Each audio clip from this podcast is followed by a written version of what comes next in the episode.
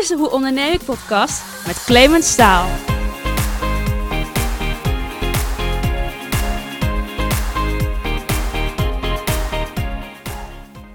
Mijn gast van vandaag is iemand die sinds een eh, klein jaar ook zelf aan het podcasten is onder de naam Groeivoer. En daarnaast ook een podcast heeft voor de facilitaire branche. En toen ik hem leerde kennen, vertelde hij mij dat hij druk bezig was om zichzelf misbaar te maken in zijn eigen bedrijf. Hij is nog steeds eigenaar van het bedrijf Eager People, maar heeft ondertussen de dagelijkse leiding wel overgelaten aan zijn medewerkers. Tijdens zijn studie, meer dan 15 jaar geleden, begon hij zijn bedrijfje in de facilitaire dienstverlening, wat hem ondertussen een mooie ondernemersreis heeft bezorgd. En van deze ervaring wil hij ook anderen laten profiteren. Vandaar dat hij ook een groeiprogramma heeft gemaakt en je lid kan worden van zijn groeiclub. We hebben het over de Law of Attraction, over je waarde verkopen, de kracht van een mastermind groep, leven als God in Frankrijk en hoe hij in de loop van de jaren een miljoen aan leergeld heeft betaald. Laat je inspireren door het gesprek dat ik had met ondernemer Gerhard Tevelde van Groeivoer.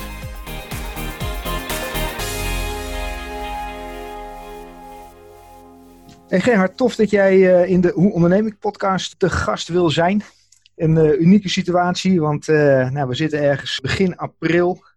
We zitten midden in de lockdown voor corona. En voor mij is dit in ieder geval de eerste keer dat ik een podcast opneem met, ja, via, via beeld.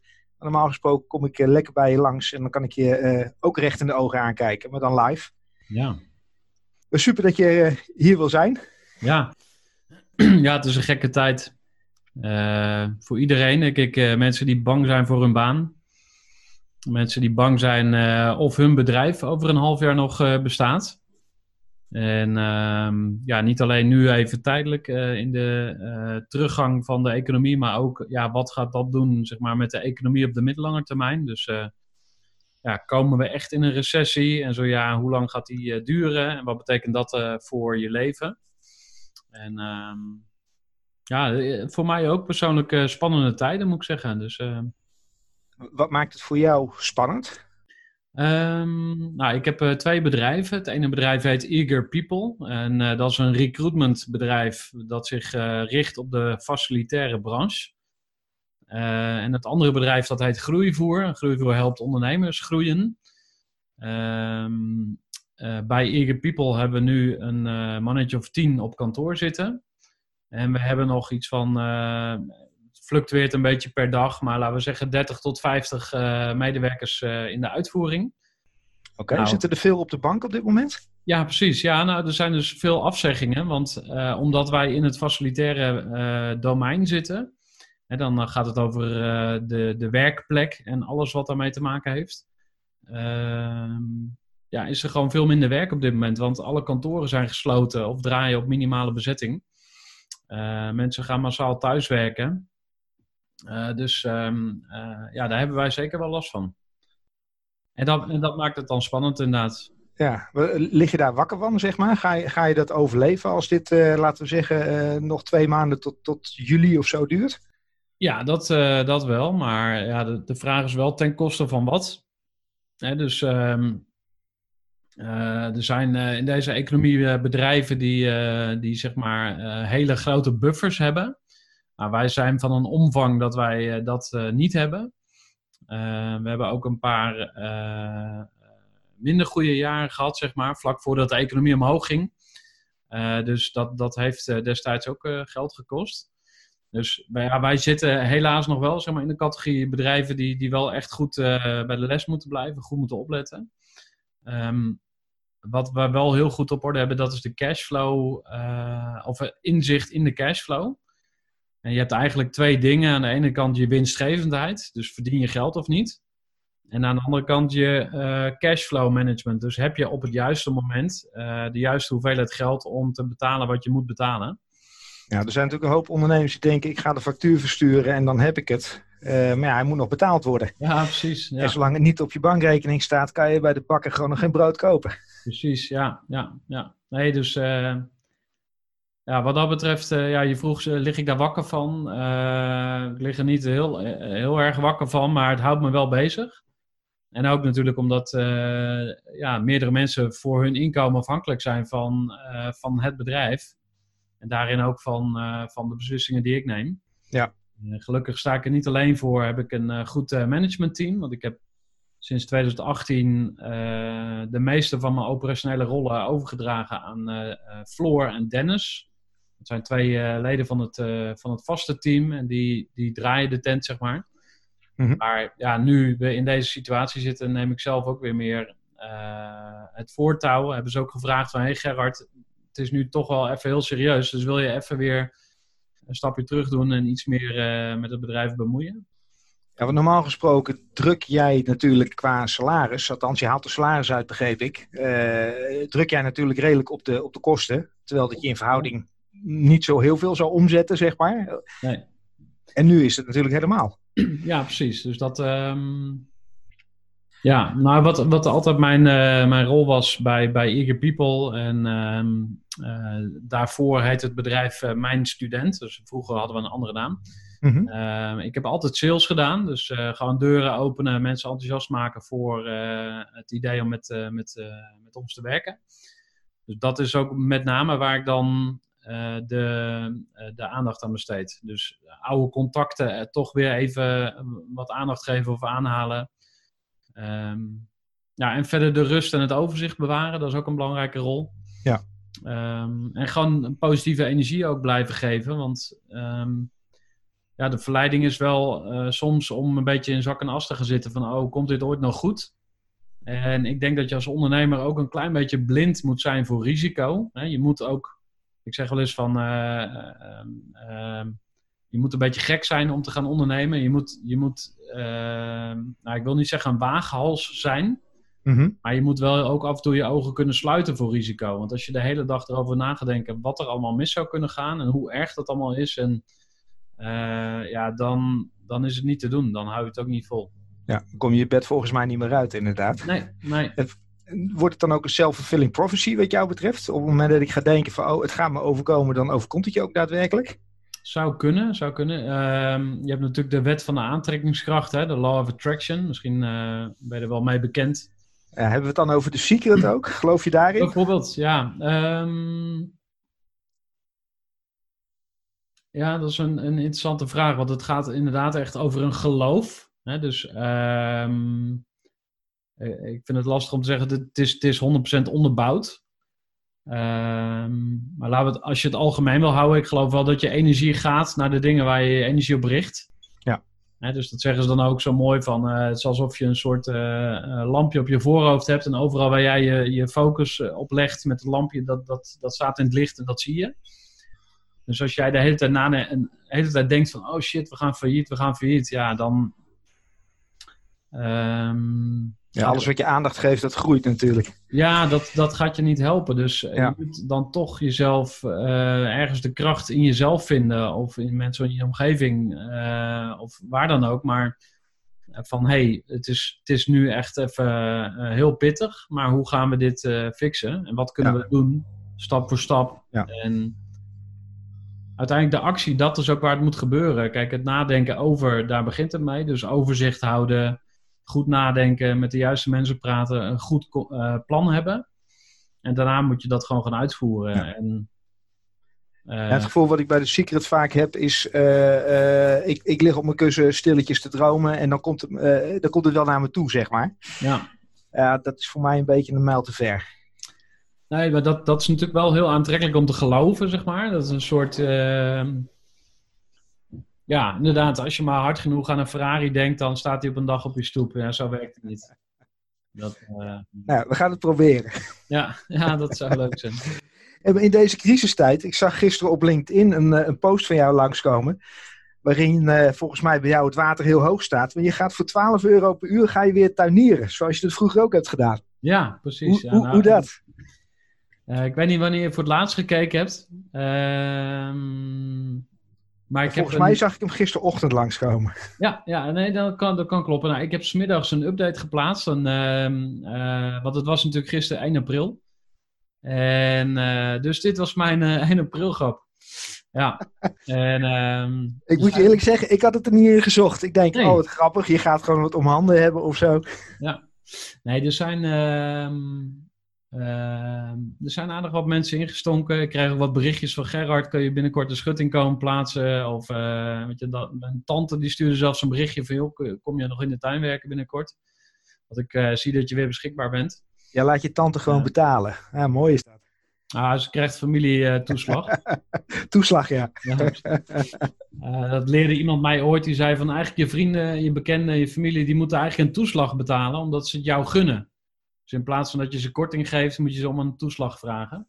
Heel goed. Ehm, maar, maar dat terzijde hoor. Eh, Ik, ehm, ik, ik ben dol op tuinieren. Zo ben ik ooit ook begonnen met mijn bedrijf. En eh, toen, toen vroeg ik 12 euro per uur inderdaad. Eh, als business coach vraag je natuurlijk een veelvoud. Eh, mensen betalen 900 euro voor een, eh, voor een dagdeel. Dus dan ga je meer richting 250 euro eh, per uur. Ja. Toen ik dat voor het eerst in rekening bracht, eh, dacht ik ook zo, dat, eh, dat is veel. Ehm, maar je kan op verschillende manieren naar je prijs kijken. Dus je kan zeggen van, eh, ik ga uit van mijn kostprijs en dan bepaal ik op basis daarvan mijn tarief. Ehm, de tarieven waar ik nu mee werk, die zijn gebaseerd op waarde. Dus welke waarde voeg je toe voor iemand? Dus stel dat iemand in een strategie-sessie met mij zo'n goed plan neerzet, dat hij daarmee misschien wel 20.000 euro verdient, ik noem maar wat.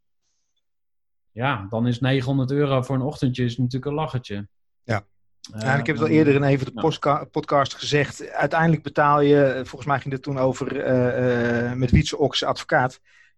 Je betaalt uiteindelijk niet voor die 10 minuten of voor dat uur consult. Maar je betaalt voor al die jaren ervaring en leergeld die ook jij hebt gehad in het verleden. Ja, ja, dat is nogal wat. Dat, Ja, want jij bent begonnen als de tuinman vanuit je studententijd, heb ik begrepen. Ja, En, en dat is langzamerhand van eh, de tuinstudent omge, ja, doorgegroeid naar, eh naar Eager People. Ja. Ehm, hoe lang heb je daarover gedaan? Ehm, in 2006 begon ik met tuintjes opknappen. Twee jaar later begonnen we Mijn Student. En Mijn Student is in ehm 8,5 jaar tijd of zo is het, eh, is het gegroeid steeds eh, meer naar de zakelijke markt. En steeds hogere tarieven. En op een gegeven moment zijn we naar Eager People gegaan. Dus hebben we de naam veranderd van Mijn Student naar Eager People. Ehm, ja, als je alles meetelt, dan ben ik dus in 2006 begonnen. Dus dan zit je aan 14 jaar. Eh, het is nu 2020. Ehm, ja, er zijn verschillende manieren om die vraag te beantwoorden. In ieder geval een les die ik eruit gehaald heb. En dat is ook mijn, een van mijn eh, drijfveren op dit moment bij groeivoer. Is dat ik vind dat mijn leercurve eigenlijk te lang is geweest.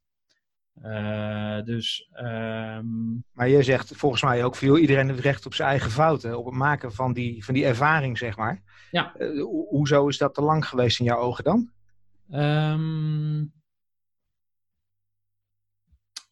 ja, er zijn fouten die moet je gewoon zelf even maken, zeg maar. Maar er zijn ook fouten die mag je overslaan. En dan bedoel ik eh, bijvoorbeeld, eh, concreet praktijkvoorbeeld. Bij mijn student hadden wij een, ehm, een eh, dienst, dat was de schoonmaakstudent. En wij boden dat aan voor 15 euro per uur. En nou, we hadden 150 klanten of zo. Dat hadden we in, in een bepaalde periode opgebouwd. En we hadden eigenlijk twee dingen die we daar niet hadden moeten doen. En eh, het eerste was dat we achteraf pas erachter kwamen dat we maar 10 cent eh, winst per uur maakten. Dat is niet Eh, veel. Nee, dus we hadden gewoon nooit van tevoren nagedacht van... hé, wat kost het nou eigenlijk? Inclusief Ja. werkgeverslasten. Mhm. We hadden, de, we hadden gewoon geen goede kostprijsberekening gedaan. Eh, en het tweede was dat we zeiden van... hé, hey, als we eenmaal daar binnen zijn... eh, dan gaan we ook andere diensten verkopen. Mhm. Dus eh, als we eenmaal de, de schoonmaak doen... dan gaan die mensen ons ook wel inhuren voor de tuin... en voor de klusjes en voor de verhuizingen en voor de computerhulp. Dus wij dachten heel erg in die upsell en die crosssell. Maar dat kwam niet echt van de grond. Ook al deden we daar echt wel ons best voor. Dus eigenlijk de twee lessen die daar voor mij in zaten, was van hey, ga nou niet een eh, dienst opzetten waarvan je van tevoren had kunnen weten dat die veel te weinig geld oplevert. Ja. Eh, en ga niet een product wat eigenlijk geen zak oplevert verkopen met als argument dat je dan daarna diensten gaat verkopen eh, die wel geld gaan opleveren. Wat was Eh, jouw analyse achteraf? Dat je zegt, joh, dat heeft uiteindelijk niet eh, additioneel eh, omzet opgeleverd? Ja, misschien een beetje, maar lang niet wat we eh, ervan verwacht hadden. En ik kijk vooral in, eh, in de termen van opportunity cost, zeg maar. Of Mhm. wat had ik ook met die tijd kunnen doen? Dus Ja. ik had in diezelfde tijd en al die energie en al die aandacht die we daar aan, ge- gegeven hebben, ehm, hadden we misschien ook wel drie of vijf of tien eh, mooie grote zakelijke klanten kunnen binnenhalen. Waar we veel meer winst hadden gedraaid. Met dezelfde eh, hoeveelheid plezier en ehm, ehm, eh, toegevoegde waarde, zeg maar. Dus Ja, maar het is natuurlijk lastig om dat achteraf te zeggen. Want voor hetzelfde geld eh, was er wel wat uitgekomen. En voor hetzelfde geld had je dit niet gedaan. Had je inderdaad die grote account binnengehaald. Die vervolgens, weet ik veel wat, na een jaar failliet gaat en jou nooit betaalt. Dus eh, het is koffiedik kijken, toch? Ja, maar niet helemaal. Kijk, wat een van de eerste dingen die ik doe als ik met een startende ondernemer werk, is we gaan even kijken, of even, maar we, we gaan focussen op het businessmodel. Mhm. En daar bedoel ik met name gewoon het financiële plaatje. Want de blabla, dat geloof ik altijd wel. Dat, dat, het is heel makkelijk om iets te bedenken. Ehm, maar aan welke klant ga je het verkopen? Voor welk tarief? En hoe ga je daar een maand salaris uithalen? Dus stel dat jij zegt van... hé, hey, ik wil als startende ondernemer 1500 euro eh, netto overhouden per maand. Of 2000. Ik noem even een bedrag wat niet heel laag is, maar ook niet heel hoog hoeveel producten moet je dan verkopen? Aan wie? En is dat realistisch? Is dat haalbaar? Ehm, en ik baseer me dan ook op het gedachtegoed van, eh, van Erik Ries. Misschien ken je hem ook wel. Eh, hij heeft een boek geschreven, The Lean Startup. En eh, een van de modellen die centraal staan in dat boek, dat is het Lean Canvas. En het Lean Canvas is een A4'tje waar je eigenlijk je hele business eh, idee op zet. Een beetje business model canvas-achtig. Ja, daar lijkt het inderdaad heel erg op. En ehm, wat je gaat doen is, je gaat dan vervolgens met je eh, business idee naar eh, potentiële klanten. Eh, en je vraagt niet alleen van, vind je het een goed idee? Of wat vind je van het idee? Maar je vraagt ook van, wil je mijn klant worden? Want ik heb in het verleden ook heel veel eh, schouderklopjes gehad van mensen van, oh wat een goed idee, wat leuk.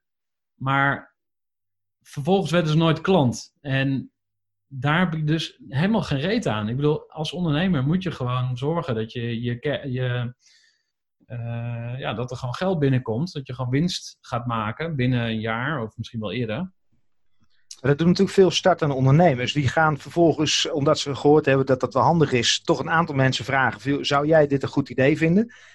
Maar dat zijn dan nooit de mensen die eigenlijk in de doel geboren. hè. Maar dat zijn de paps, mams, eh neef, nichten, eh, de buurvrouw, et cetera. Ja. Eh, ja, plat gezegd, lekker belangrijk of die het een goed idee vinden. Het gaat om je doelgroep. Nee, eh, Ray Dalio, dat is eh, auteur van het boek eh, Principles. Eh is een Amerikaanse eh, ehm, miljardair inmiddels. Hij heeft een heel groot hedge fund opgezet. En hij noemt dat, hij heeft het over de believability van mensen. Dus over de geloofwaardigheid. hoe, hoeveel kennis hebben die mensen op ehm, het vakgebied waarover jij een vraag stelt. Ja. Dus dan- te zakendeskundig, zeg maar. Absoluut, ja. En ehm, ja, als je dus een business idee hebt, dan moet je gaan praten met of andere ondernemers die al ervaring hebben. Dus niet andere starters, maar andere ervaren ondernemers. Mensen die al aangetoond hebben dat ze eh, een idee kunnen omzetten in een, in een werkend bedrijf of in, een, in een, iets wat geld genereert in ieder geval. Ehm, ja, je kan met een business coach werken zoals ik, eh, maar daar moet je wel in investeren. Eh, ik ben nu ook de Groeiclub gestart, daar heb ik net al iets over verteld. Maar de Groeiclub is een, een club voor ondernemers waar je voor 59 euro lid van kan worden. En daar kan je ook je business idee eh, pitchen. Ehm, Ja, je hebt dat een, een aantal maanden geleden heb je dat opgezet. En je bent Ja. vorig jaar, even nog een stapje terug. Je bent vorig jaar 2019 ergens begonnen met, eh, ook met de podcast voor Groeivoer. Eh, wat was er eerder? Het, het businessmodel, zeg maar, de, de groeiclub of de, de podcast? eh, podcast was er eerder. Ehm, podcast was eigenlijk. ehm, Ja, vorig jaar is dat een beetje uit de hand gelopen ook qua tijdsbesteding. Want eh, ik was op een gegeven moment twee, tweeënhalve dag per week mee bezig. Nou, Oké. voor, voor iets waar geen direct verdienmodel op zit, eh, is dat eigenlijk veel te veel. Dus eh, ik heb dat nu zeg maar teruggebracht naar een halve dag per week. Maar de podcast heeft natuurlijk een andere ehm, spin-off. Je opent deuren, waardoor je met nieuwe mensen in gesprek eh, komt. Ehm, je bouwt zeg maar wel ook een luisteraarspubliek op. Dus je zichtbaarheid, je credibility heeft daarmee wel eh, invloed. Ja. Ja, je creëert weer content. Hè? Dus je kan, eh, je, kan je, je, podcast eh, eh, natuurlijk uitzenden op de gebruikelijke podcastkanalen. maar je kan het ook op YouTube zetten. Je kan er een artikel of een blog over schrijven. Ehm, nou ja, je kan op allerlei manieren die content gaan recyclen of upcyclen. Ehm, maar de Groeiclub is pas later gekomen. Maar ik moet er wel bij zeggen, ik heb al vanaf 2014 een ondernemersclub. Ehm Nog even. Nee, als ik er zo over nadenk, eigenlijk is de Groeiclub veel ouder. De Groeiclub was er in 2014 al. En dat was een soort mastermind club of zo dan? Nou, nee, maar eh, waarom ik in de war ben is omdat ehm, de Groeiclub zoals die nu is, is echt met een abonnementsvorm, zeg maar. Ja. En daar ben ik pas eh, vanaf 1 januari 2020 mee begonnen, om er echt een vast bedrag per maand voor te vragen. Maar ik ben al in 2014 begonnen met het organiseren van dineetjes voor eh, ondernemers. Dat heette toen het ondernemersdiner, maar dat heb ik daarna eh, groeivoer genoemd. En weer later ben ik het de Groeiclub gaan noemen. En, ehm, maar het was eerst veel vrijblijvender. Van hé, hey, ik organiseer een eh, etentje. En als je zin hebt eh, eh, en je past bij de groep, dan, eh, dan eh, mag je ook eh, aanschuiven.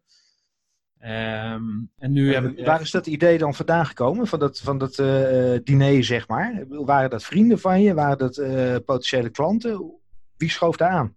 Ehm, eigenlijk kwam het voort uit eh, het, idee, of het gevoel wat jij net ook een beetje omschreef van als je naar je familie of je vrienden gaat met een businessvraag, dan heb je daar eigenlijk niet zoveel aan. Ik bedoel, die spreken jouw taal niet. Eh, die hebben het over andere dingen. Die snappen niet wat jij, waar jij mee bezig bent. Eh, dus ik zocht eigenlijk een peer group om me heen. Mensen met wie ik kon sparren. Zo is het begonnen. En ehm, ja, daar werd eigenlijk goed op gereageerd. En eh, daarom ben ik het ook blijven doen. En op een gegeven moment wilde ik de vrijblijvendheid een beetje eraf halen.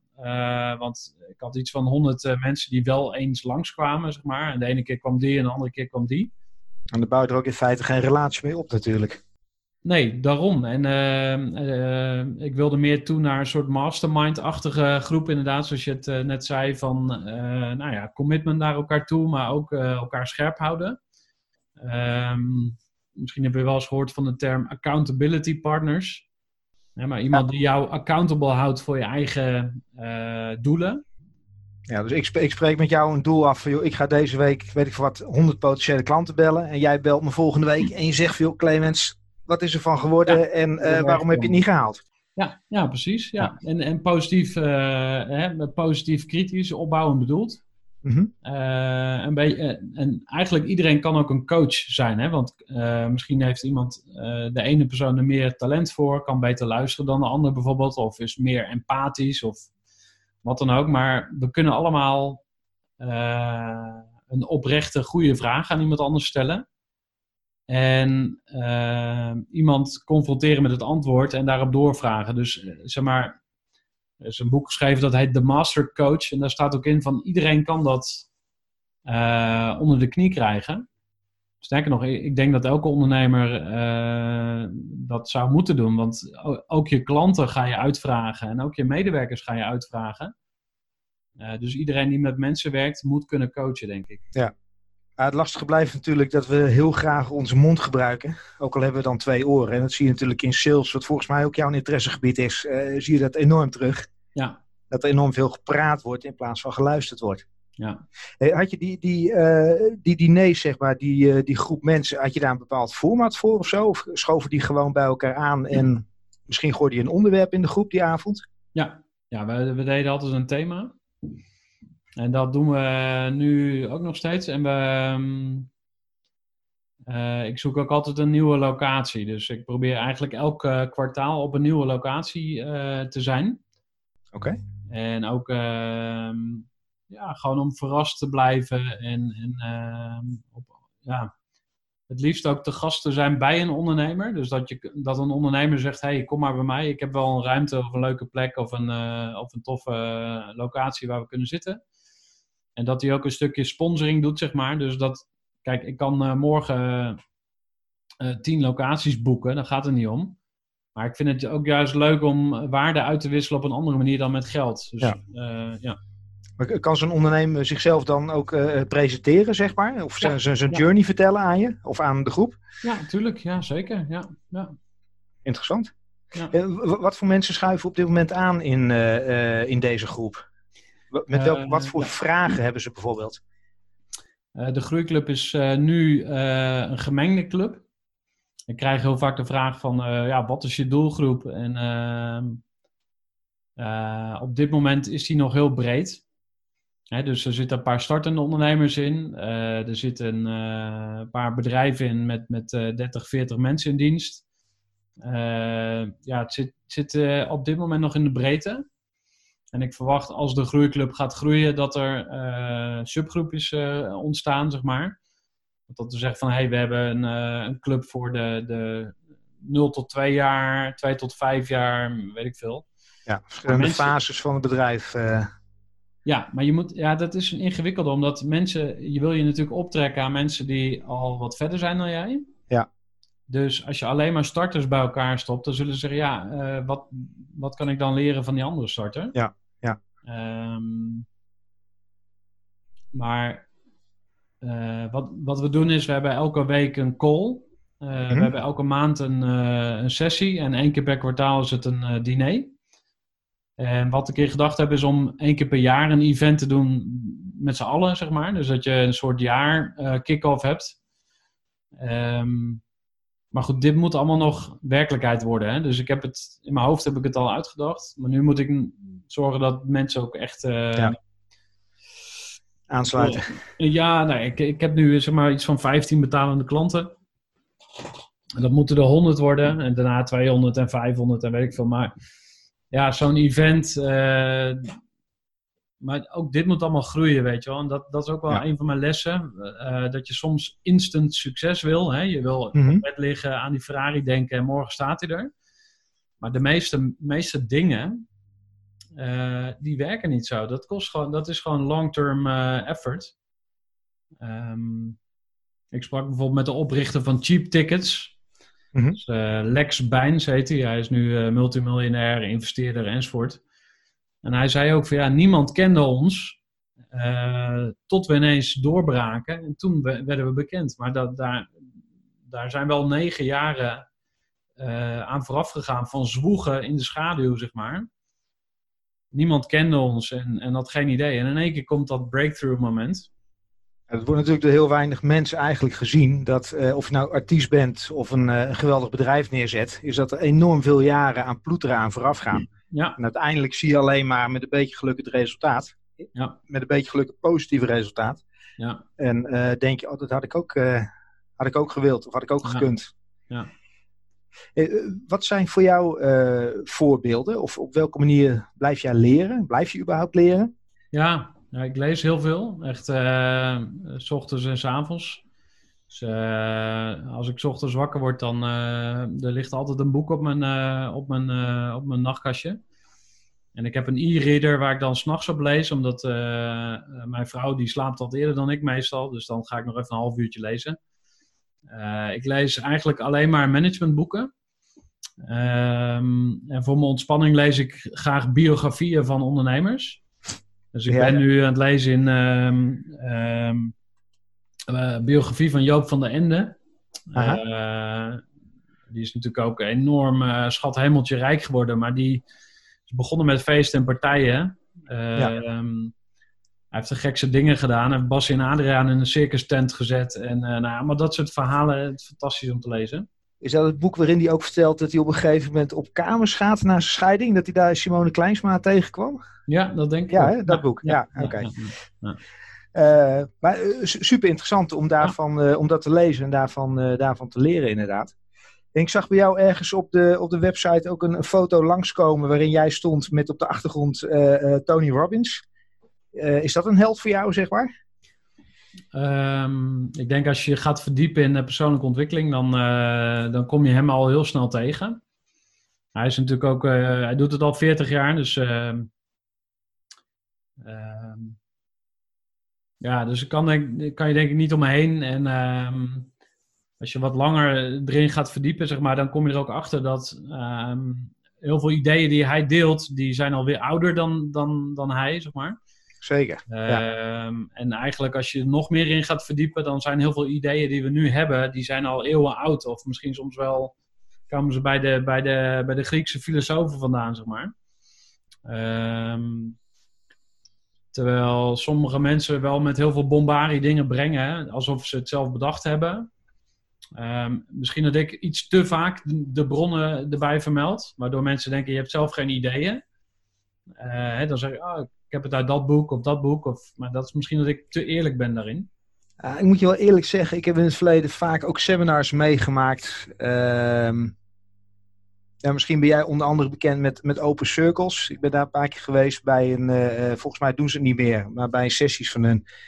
Ja, waarbij je dan halverwege in de pauze iemand spreekt die het fantastisch vond. En ik had zoiets ja, met alle respect, maar ik heb vanochtend vier, vijf boeken heb ik langs horen komen. Eh, de 4-Hour Workweek, uh, Think It Grow Rich, uh, nou ja, noem maar op. Ja, ja volgens mij ziet het je ook wel op het moment dat je aangeeft, hier is de informatie vandaan gehaald. En wil je er meer van weten, ga er ook vooral naar op zoek. Ja, ja zeker. En um, tegelijk, terwijl je dit zegt, denk ik, ja, mensen hebben ook voorbeelden nodig, rolmodellen, leidersfiguren. Mensen vinden het ook gewoon fijn om om ergens op af te kunnen gaan, om, om iemand te kunnen volgen. Ik heb dat zelf ook. En mensen hebben het ook weer met mij als ondernemers uh, bij mij uh, aankloppen. En zeggen, wat, uh, wat moet ik doen? Mm -hmm. Um, en dat is ook een hele dankbare rol, dat je gewoon een soort ja. ja, tourguide mag zijn. Of een soort wegwijzer in, in het ondernemersland. Ja, en misschien doordat jij het vertelt, blijft het, blijft het hangen, resoneert het. Bedoel, ja. Op het moment dat iemand anders dat doet, uh, nou, bijvoorbeeld Tony Robbins, en ik heb daar toch iets tegen op de een of andere manier, dan pik ik het niet, of ja. neem het niet aan. En wanneer ja. jij het vertelt, ik denk van, hé, hey, dat is interessant. Ja, goed punt. Dus er zijn allerlei doorgeefluikjes en iedereen die kiest zijn eigen, uh, ja, eigen frequentie of de eigen energie waar je, waar je het goed op doet. En, uh, ja. En dan ben jij uh, al een aantal jaren ondernemer, een jaar of 12, 15, ja. zoiets. Ja. Um, je hebt het op zich helemaal fantastisch voor elkaar, in, nou, in ieder geval aan de buitenkant. En hoeveel fouten heb jij onderweg gemaakt?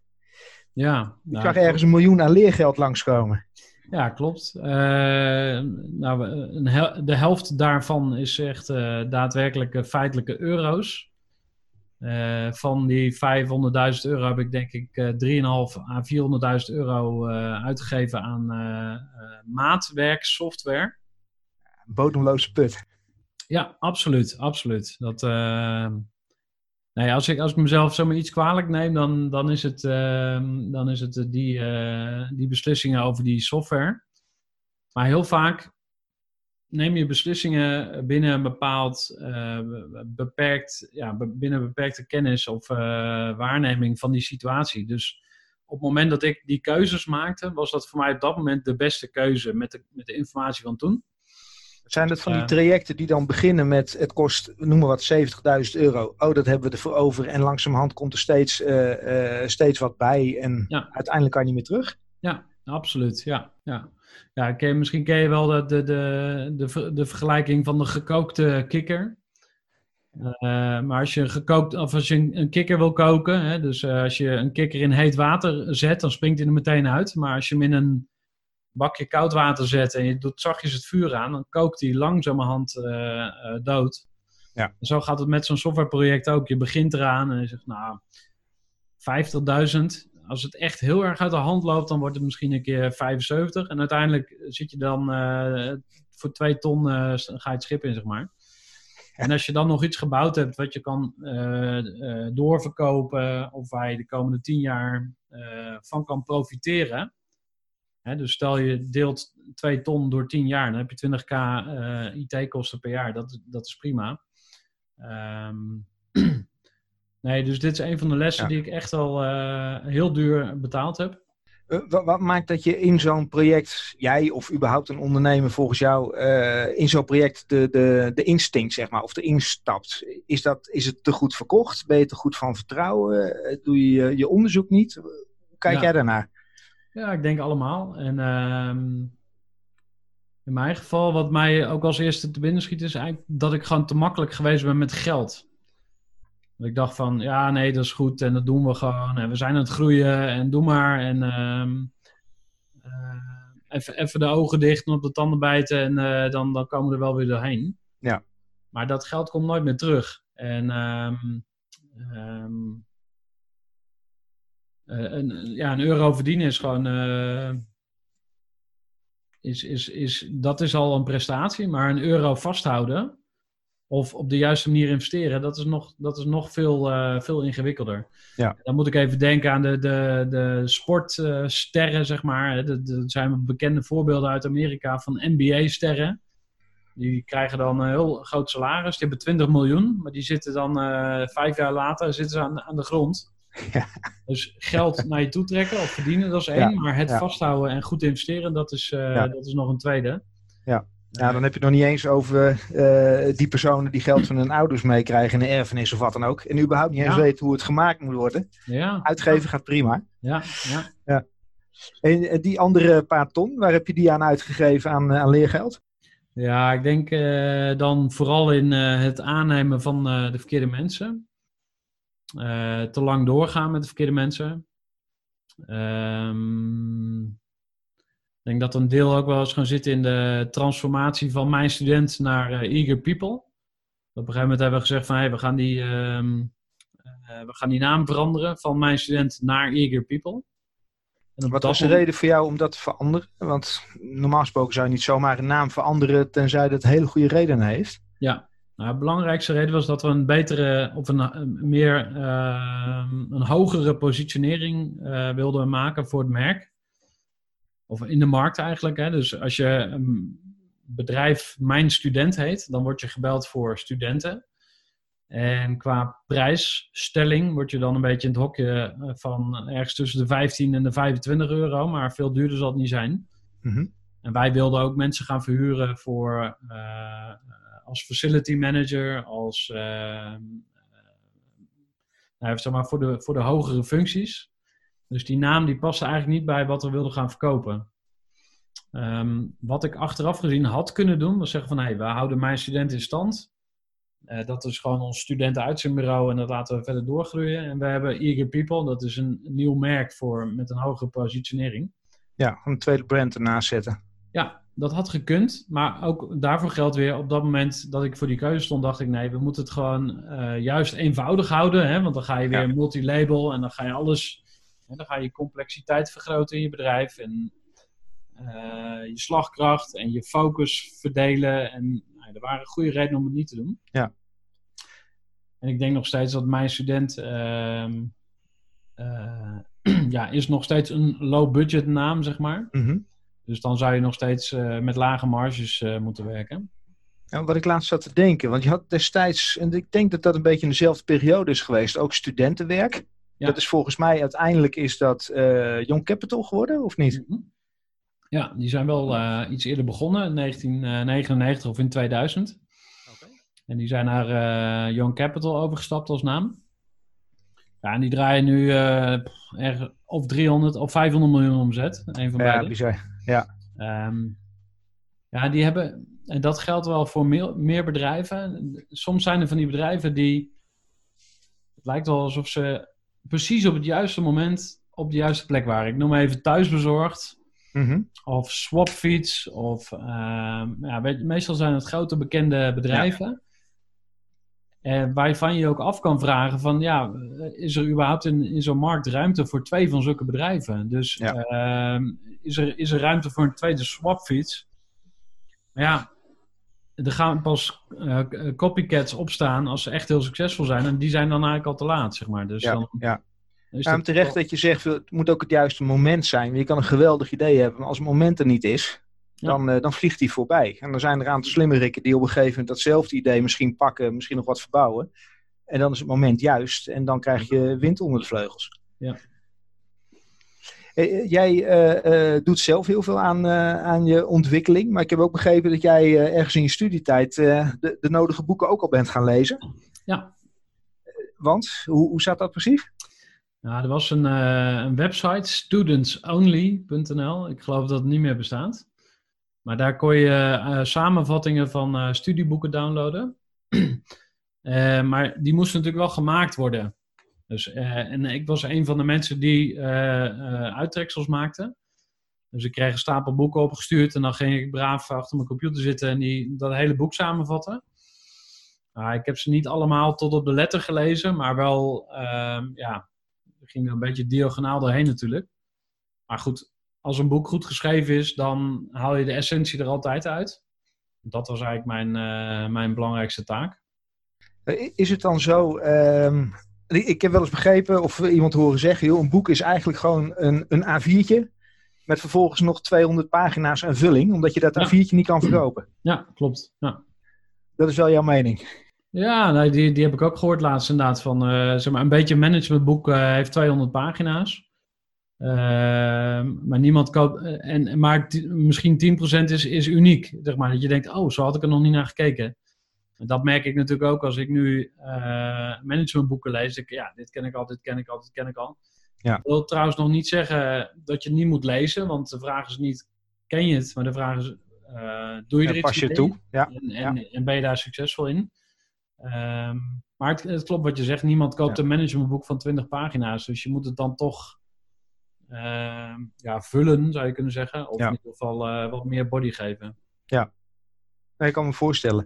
En wat je natuurlijk toch vaak ziet is, eh, eh, jij leest een boek, iemand anders leest een boek en allebei haal je er wat anders uit. Hetzelfde geldt voor jezelf wanneer je een boek na verloop van tijd nog een keertje terugleest. Ja. Is, eh, het moment is anders, je eigen invalshoek is op dat moment anders, je stemming is anders. Je haalt andere dingen uit. Ja, ja.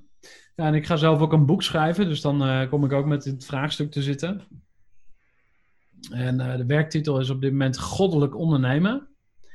Dus eh, hoe, hoe kan je een bedrijf bouwen wat zeg maar heel erg past bij wie jij bent, wa- wat jouw essentie is, zeg maar. Mhm. En ehm, eh, Die titel die past één op één bij jou? Ja, ehm, ja en nee. Het is wel de manier hoe jij je leven invult.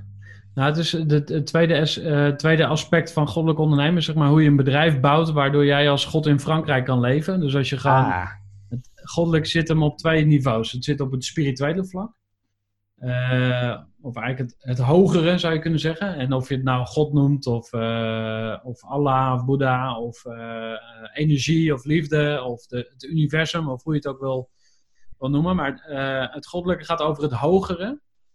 Ehm, en het creëren van een bedrijf wat heel relaxed eh, werkt, waar gewoon heel veel geld verdiend wordt, waar je gewoon in overvloed eh, kunt ondernemen, zeg maar.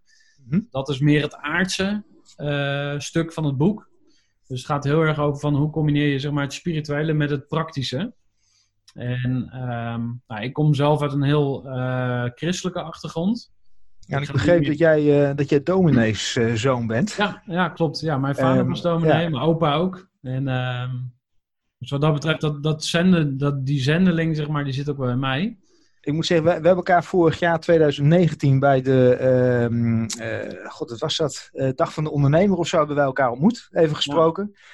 Ehm, en wat mij betreft, onder andere een van de redenen dat je eh, destijds bij bleef, was het feit dat ik zelf ook uh, dominee zo ben. Oh, Ik echt? dacht oh, dat is hij, ja. ja, ja, ja, grappig. Ja, herkenbaar. Nou, de mensen die Ehm, mij kennen, ja. die, want daar wil ik nog heel even wat over Mhm. zeggen. Eh, er zijn mensen die, eh, als ze goddelijk ondernemen horen, dan denken van, oh, die gaat mij proberen te bekeren. Of die wil mij eh, geloof door de strot drukken, drukken, of wat dan ook. Dus daarom is het nu nog een werktitel. En het kan zijn dat die in de subtitel verdwijnt. En dat, we, Ja. dat het hemels ondernemen wordt, of verrukkelijk. Of in, ieder geval iets met... ehm, Toch wat- meer richting die God in Frankrijk, zeg maar.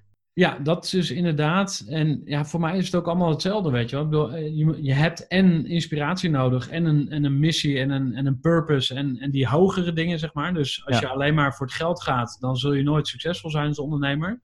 Maar als je alleen maar voor de, eh, ik wil de wereld verbeteren en eh, ehm, eh, allerlei zweverige shit gaat, zeg maar, dan komt het ook niet goed. Dus je moet juist die combinatie maken. Eh, Wat maakt dan dat jij 's ochtends je bed uitkomt en je ding gaat doen? Wat, wat is jouw persoonlijke missie of ja, je why, hoe je het ook wil noemen? Ja, eh, voor mij is dat eh, het enige en allereerste antwoord, of eigenlijk het enige antwoord voor mij is creatie. Ik vind het geweldig om iets, iets moois te maken. En ik zit nu naar mijn eigen beeld te kijken. Ik heb, eh, we zitten nu via Zoom op te nemen, zeg maar. Mhm. Ik heb ervoor gezorgd dat mijn achtergrond heel mooi is. Dat daar een heel mooi logo is. Dat daar een flesje champagne staat. Dat ik een goede beeldkwaliteit heb. Ik heb goede audio. Weet je wel, dat, lijken misschien allemaal uiterlijke dingen. Maar dat zit heel diep. Dat ik eh, tot in de kleinste eh, aspecten van een bedrijf wil ik dat het ja, goddelijk is. Of heel mooi. Of weet je wel, dat het Mhm. gewoon klopt. En ehm, Maar is dat uiterlijk vertoon? Want als ik eh, eh, op jouw website kijk, dan zie ik een eh, man die netjes, netjes strak in pak gekleed is. colbertje, eh, het, het plaatje klopt, zeg maar. ja, dat, Is dat wie je bent of wie je wil zijn? Of... Nee, ja, wat ik ermee bedoel is, ehm wat ik noemde nu even zeg maar het, het, het voorbeeld van iets creëren wat mooi is. Mhm. Maar je hebt het schone, het ware en het goede, zeg maar. Hè? Dus het schone, dat is de, de, de, alles wa- wat je van buiten kan zien. Maar het ware en het goede, dat zijn andere aspecten. Dus ehm, voor mij gaat creatie ook over het, eh, dat kan ook zijn het schrijven van een heel mooi, of van een heel goed blogartikel over ondernemen. Dat kan ook zijn het creëren van een nieuw bedrijf. Ja. En wat ik wel geleerd heb ook in mijn ondernemerschap, is dat mijn kracht zit echt in de, in, de, ehm, in de eerste twee jaar van een onderneming. Dus zeg maar het opstarten en kickstarten van een nieuw bedrijf. Ehm, maar vervolgens moet iemand anders het gaan, verder gaan laten groeien. Dus zeg maar het stapsgewijs eh, doorontwikkelen van een bestaande formule, dat is niet waar ik goed in ben. Mhm. Maar het, kick, of ja, het uit het niets iets heel moois neerzetten, dat, daar ben ik goed in. Ja, want in je huidige bedrijf heb je dat natuurlijk ook gedaan met Eager People. Je bent daar uitgestapt. Eh, dat wil zeggen, je bent nog steeds eigenaar en een uurtje per week bewijzen van ben je daar nog actief. Ja. Eh, hoe, hoe heb je dat voor elkaar gekregen? Wat is daarbij je gedachtegang? Ehm, nou, daar ben ik er dus eigenlijk veel te laat achter gekomen dat ik eh, echt een start-up entrepreneur ben. Ehm, en ik vind dat ik het dan eigenlijk nog heel lang eh, zeg maar, heb volgehouden om zeg maar, in een bedrijf te werken, als je het zo wil zeggen. Ik, ik moet zeggen, ik heb heel veel plezier gehad en er gebeurde ook van alles de hele tijd. Dus ik, ik heb me niet verveeld, maar ik dacht op een gegeven moment wel van... Hey, eh, maak ik niet meer kapot dan ik goed doe eigenlijk? Dat druk het misschien nog te negatief uit hoor, maar eh, ik voelde me in ieder geval opgesloten in het bedrijf. En vanaf dat moment ben ik een concreet plan gaan eh, bedenken en uitvoeren om stappen terug te zetten. Dus ik ben steeds meer taken gaan loslaten en overdragen aan andere mensen. Toen ben ik teruggegaan naar twee dagen per week. En nu zit ik inderdaad op een paar uurtjes per week. En nu, in verband met de coronacrisis, zit ik er natuurlijk weer wat meer bovenop. Omdat het eh, gewoon allemaal wat spannender is. Ehm, maar ik ben eigenlijk meer in een aandeelhoudersrol gekomen, zeg maar. Dus het bedrijf is van mij, maar ik werk er niet zelf in mee. Ja. Dat betekent wel dat je businessmodel dat moet kunnen dragen. Want ehm, als ik elke maand een factuur wil sturen naar mijn eigen bedrijf van, eh, ik noem even 10.000 euro, dat moet wel ergens terugverdiend worden. Dus Ja. als jouw bedrijf alleen maar draait, als jij zelf meewerkt, dan dat is prima. Dat, dat is ook een manier om te ondernemen, maar dat is een andere manier. Ehm, maar dat betekent ook dat het bedrijf niet om jou draait. Klopt, ja. Ik bedoel, er zijn natuurlijk zat bedrijven waar het echt om de eigenaar draait. De vakman die vervolgens daar bijvoorbeeld personeel omheen creëert. Of het idee, een die idee heeft, daar vervolgens mensen omheen zet. Eh, maar uiteindelijk blijft het bedrijf om die betreffende ondernemer gaan. Die komt daar Ja. niet vrij van. Nee, nee daar komt eh, voor mij, eh, ik, word- ik denk dan ook aan het woord ego. Dus met ego bedoel ik eh, gezien willen worden en jezelf belangrijk vinden en dat soort dingen. Je had het net even over eh, mijn foto met een, eh, met een mooi colbertje en, ehm, eh, en een pochet. Hij Dat staat je goed overigens. Het staat op gerardtevelde.nl staan die foto's. Als je nu naar eh, mijn LinkedIn gaat, eh, of je gaat naar groeivoer.nl, dan zie je eigenlijk de nieuwe Gerard van de laatste anderhalf, twee jaar. Eh, want ik heb eigenlijk die oude identiteit een klein beetje afgelegd. Ehm, en ik moet ook zeggen, op een gegeven moment kwam ik het bedrijf binnen en ehm, was, ik was minder belangrijk, omdat ik mezelf misbaar gemaakt had. En dat deed toen ook een heel klein beetje pijn. Ik dacht van, hé, hey, vroeger stelde iedereen mij vragen. En was ik hier belangrijk? Want als ik, als ik niet het antwoord gaf, dan gebeurde er niks. Maar nu kunnen mensen zelf het antwoord geven. Dus nou, eigenlijk zou je trots moeten zijn, maar je wilt ja. er ook graag nodig gevonden worden. Tuurlijk, maar ego is gewoon sowieso motherfucker. Je, en iedereen heeft het op een andere manier. Ja. Ehm, kijk, en nu zit ik weer op een ander level, maar is dat ego is natuurlijk nog steeds aanwezig. Want nu vind ik het heel stoer om te zeggen dat ik een bedrijf heb waar ik niet meewerk, maar waar wel geld verdiend wordt. Dus dat ego is niet verdwenen, alleen het krijgt een andere vorm. Ja. Ik denk wel, als je ouder wordt, in ieder geval geldt dat voor mij, uh, dat ego, dat gaat nooit weg. Alleen je, Mhm. je- ik leer het beter te, eh, te managen. Ja. En ik word misschien wat milder, wat geduldiger, wat liefdevoller, wat, eh, wat genuanceerder, zeg maar. Eh, wie, wie neemt dan de beslissingen? Ben jij dat dan nog? Heb je een soort laatste, laatste zeggenschap daarin? Eh, ja, dat heb ik uiteindelijk altijd. Alleen, eh, en nu in de, in de corona times, noem ik het maar even, eh, zit ik echt weer wat meer aan het sturen van, hé hey jongens, volgens mij moeten we die kant op. Ehm, er is ook een hele tijd geweest waarin ik dat veel minder deed. En waarin ik mezelf ook dwong om anders te formuleren. Dus als wij een managementoverleg hadden, dan zei ik van, hey, ik denk, of het zou zo kunnen, maar het zou ook zo kunnen, maar het is aan jullie. Ja. Ehm, ik heb voor de grap wel eens gezegd, als het mijn bedrijf zou zijn, dan zou ik het zo doen. Weet je wel? Dus Dat is allemaal Eh, maar hoe ga je... Oké, ik heb een, een, eh, wat bij mij boven komt nu is het, het schijndelegeren. Schijn, het delegeren is het, het afstand doen van je rechten. Dus delegeren is je legt eigenlijk je, eh, je, je rechten af.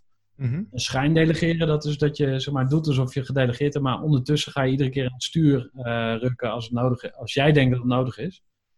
Maar zo leer je geen eh, auto rijden. Je moet echt zelf. Als je, als je rijles hebt, dan ga je eerst eh, met iemand die ook de pedalen bedient, maar op een gegeven moment eh, gaat dat niet meer.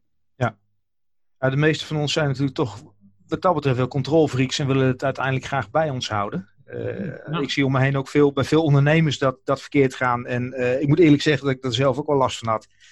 Op Ja, een gegeven moment een van mijn medewerkers had, eh, hoe moet dit? En vervolgens pak je het over. En op een gegeven moment zegt ze, hey, ik ga koffie drinken, want je kan het prima, de groeten.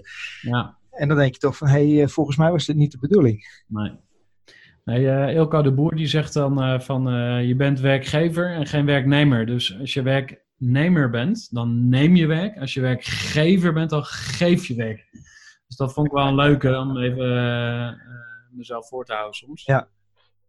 Eh, Je hebt al een aantal eh, boektitels aangehaald. Ehm, voor voor die ondernemer die niet al te veel tijd heeft om zich te verdiepen in allerlei lectuur en dergelijke. Wat zou jij wel aanraden van je zegt, veel, dat heeft mij bijvoorbeeld heel erg geholpen en dat zou, zou voor anderen echt een aanrader zijn? Ja. Ehm, nou, ik zou eerst even nadenken van, is lezen zeg maar mijn go-to eh, informatiebron? Er zijn heel veel mensen die dat gewoon tijdrovend vinden of saai of slaapverwekkend of eh, die daar eh, op een of andere manier niet blij van worden. Mhm. Ehm, er zijn natuurlijk talloze alternatieven. Ik luister zelf ook bijvoorbeeld graag naar de podcast van ehm, eh, Tim Ferriss. Ja. Die je ook al even noemde. Eh, hij doet diepte-interviews met, eh, met high performers. eh, ondernemers, atleten, andere bekende mensen. Ja, je moet je wel even door de reclames heen worstelen, is mijn mening in De ieder vijf geval. minuten skip ik ook altijd. Ja. Over wat allemaal. Ja. Maar dus, dus en, en eh, YouTube filmpjes en weet ik veel. Er zijn allerlei manieren om jezelf te voeden. Ehm, ik vind wel dat je moet filteren. Mhm. Want eh, wat wel een risico is dat je eh, zeg maar een managementboek leest of een, eh, een goeroe gaat volgen en dan even drie maanden helemaal gek bent van die goeroe en dan drie maanden later weer de volgende. En zo eigenlijk moet je alles in je opnemen, maar je moet wel filteren van hey, wat past bij mij en waar, waar geloof ik nou eigenlijk zelf in. Ja.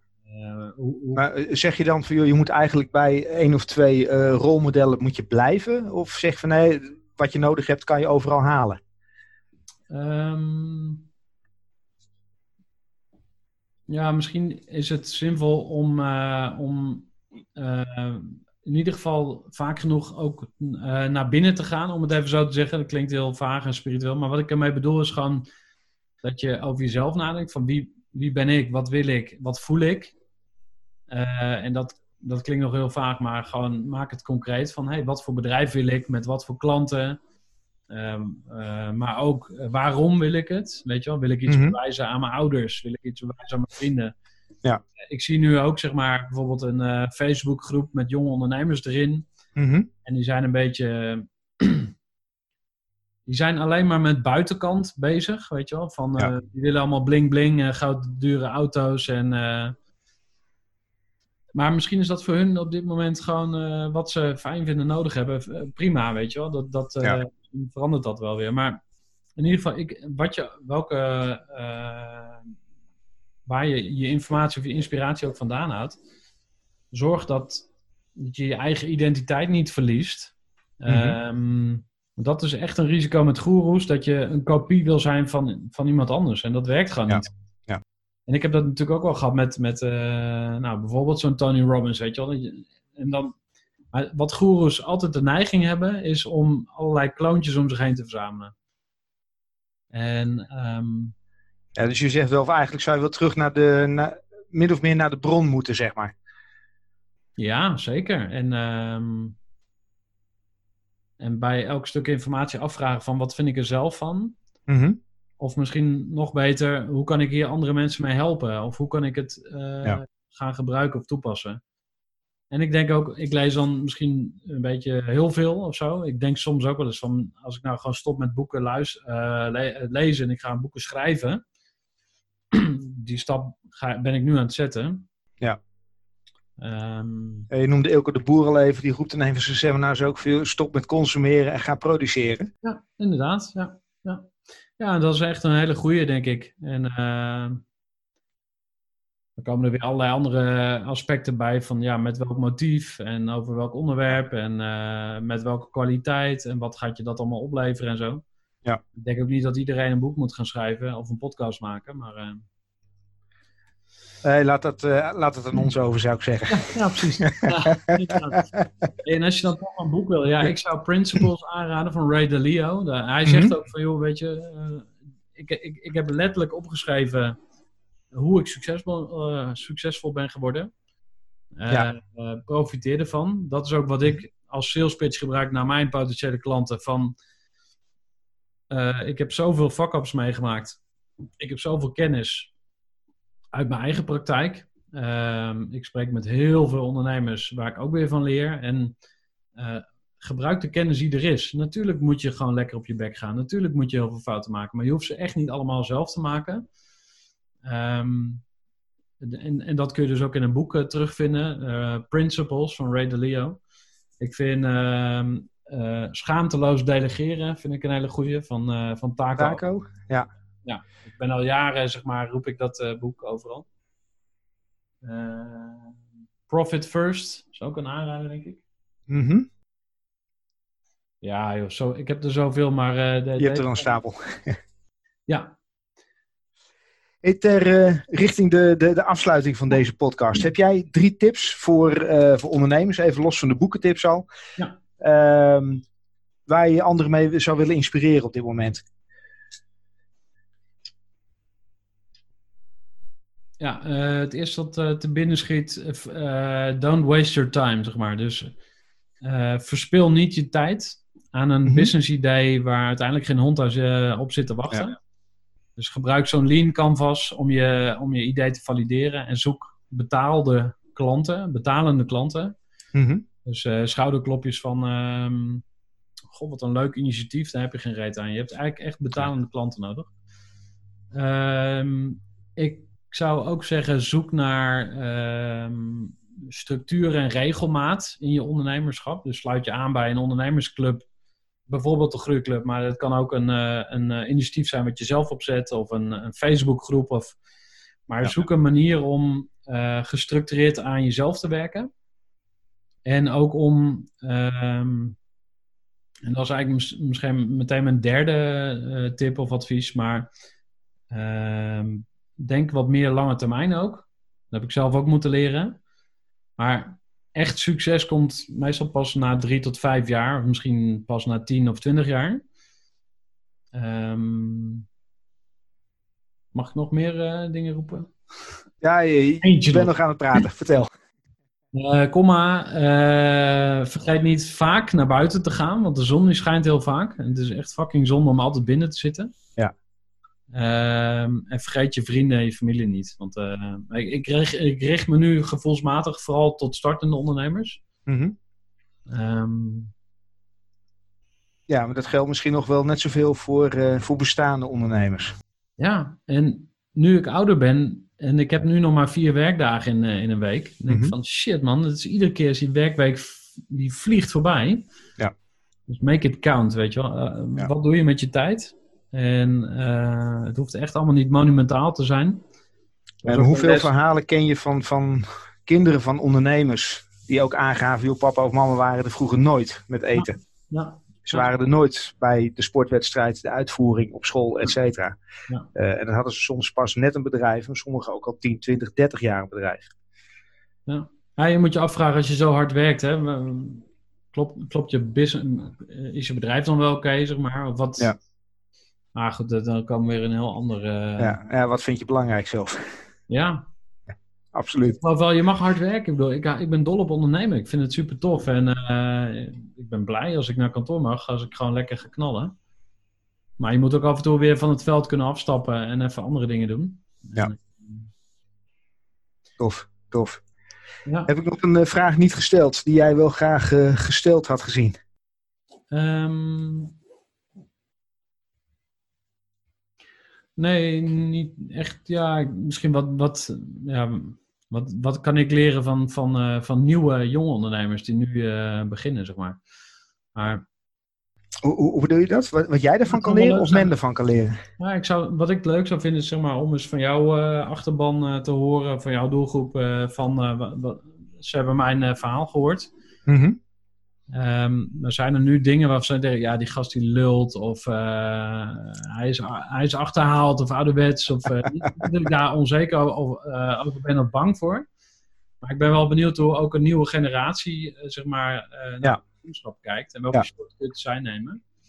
Ja, en dat doe je erop dat ik eh, eh, lesgeef aan ondernemende studenten. Studenten die ondernemer willen worden. Op het ROC doe ik dat. Eh, waarvan een gedeelte inderdaad deze podcast luisteren. Maar dat is eh, niet de doelgroep waarvoor ik de podcast maak. Ja. Ehm, ik denk dat dat met name toch op social media zit. Eh eh, peergroep, dat soort zaken. Dat, eh, daar zit het heel erg op. Ja. Nieuwe inventieve manieren. Dropshipping komt daar heel erg in, in terug. Ja. Ik heb een aantal studenten die, die al druk aan het ondernemen zijn. Bijvoorbeeld met dropshipping, die bestellen bij nou ja, de, de bekende Alibaba's en dergelijke. Ehm, gaan dan niet adverteren in Nederland, want we zijn hier dan eh, toch te veel docenten. We gaan dat bijvoorbeeld in Amerika doen.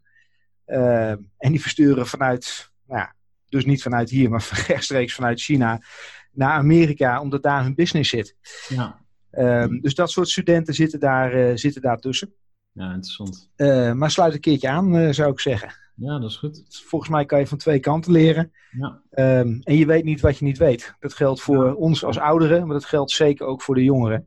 ja. Eh, en van elkaar eh, kan je leren en word je sterker, denk ik. Ja. Ik heb in ieder geval dropshipping even opgeschreven als eh, onderwerp voor een webinar ook. Dat lijkt Ja. me iets om even een keer... Interessant. Ja. En vandaag de dag is alles toch online, Ja. gezien het feit dat zeker ook met corona alles eh, zo'n beetje dicht gaat. Ja, ja. Eh, en los daarvan ongetwijfeld even de toekomst. Ja, En Gerard, ik ga je heel erg bedanken voor je tijd voor dit moment. graag gedaan.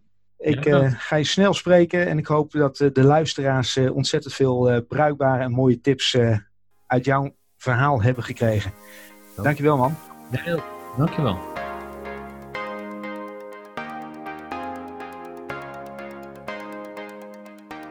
Tof om te horen hoe deze ondernemer zijn eh, bedrijf heeft opgebouwd en zich inmiddels heeft vrijgespeeld om nieuwe dingen te doen en zijn kennis ook heel graag wil delen met anderen.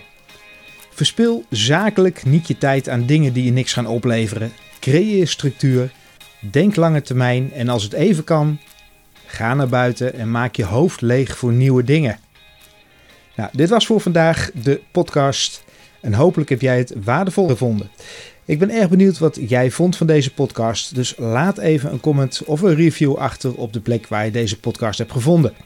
En tof ook als je deze podcast deelt met anderen. Dat je een ander hierop attendeert. En misschien heb je zelf een mastermind groep om je heen waar je dit eh, wellicht mee wilt delen. Wil jij er geen eentje missen? Klik dan even op abonneren of op volgen. En wil je in contact komen, dan kan dat via de bekende kanalen zoals LinkedIn of via info@hoeonderneemik.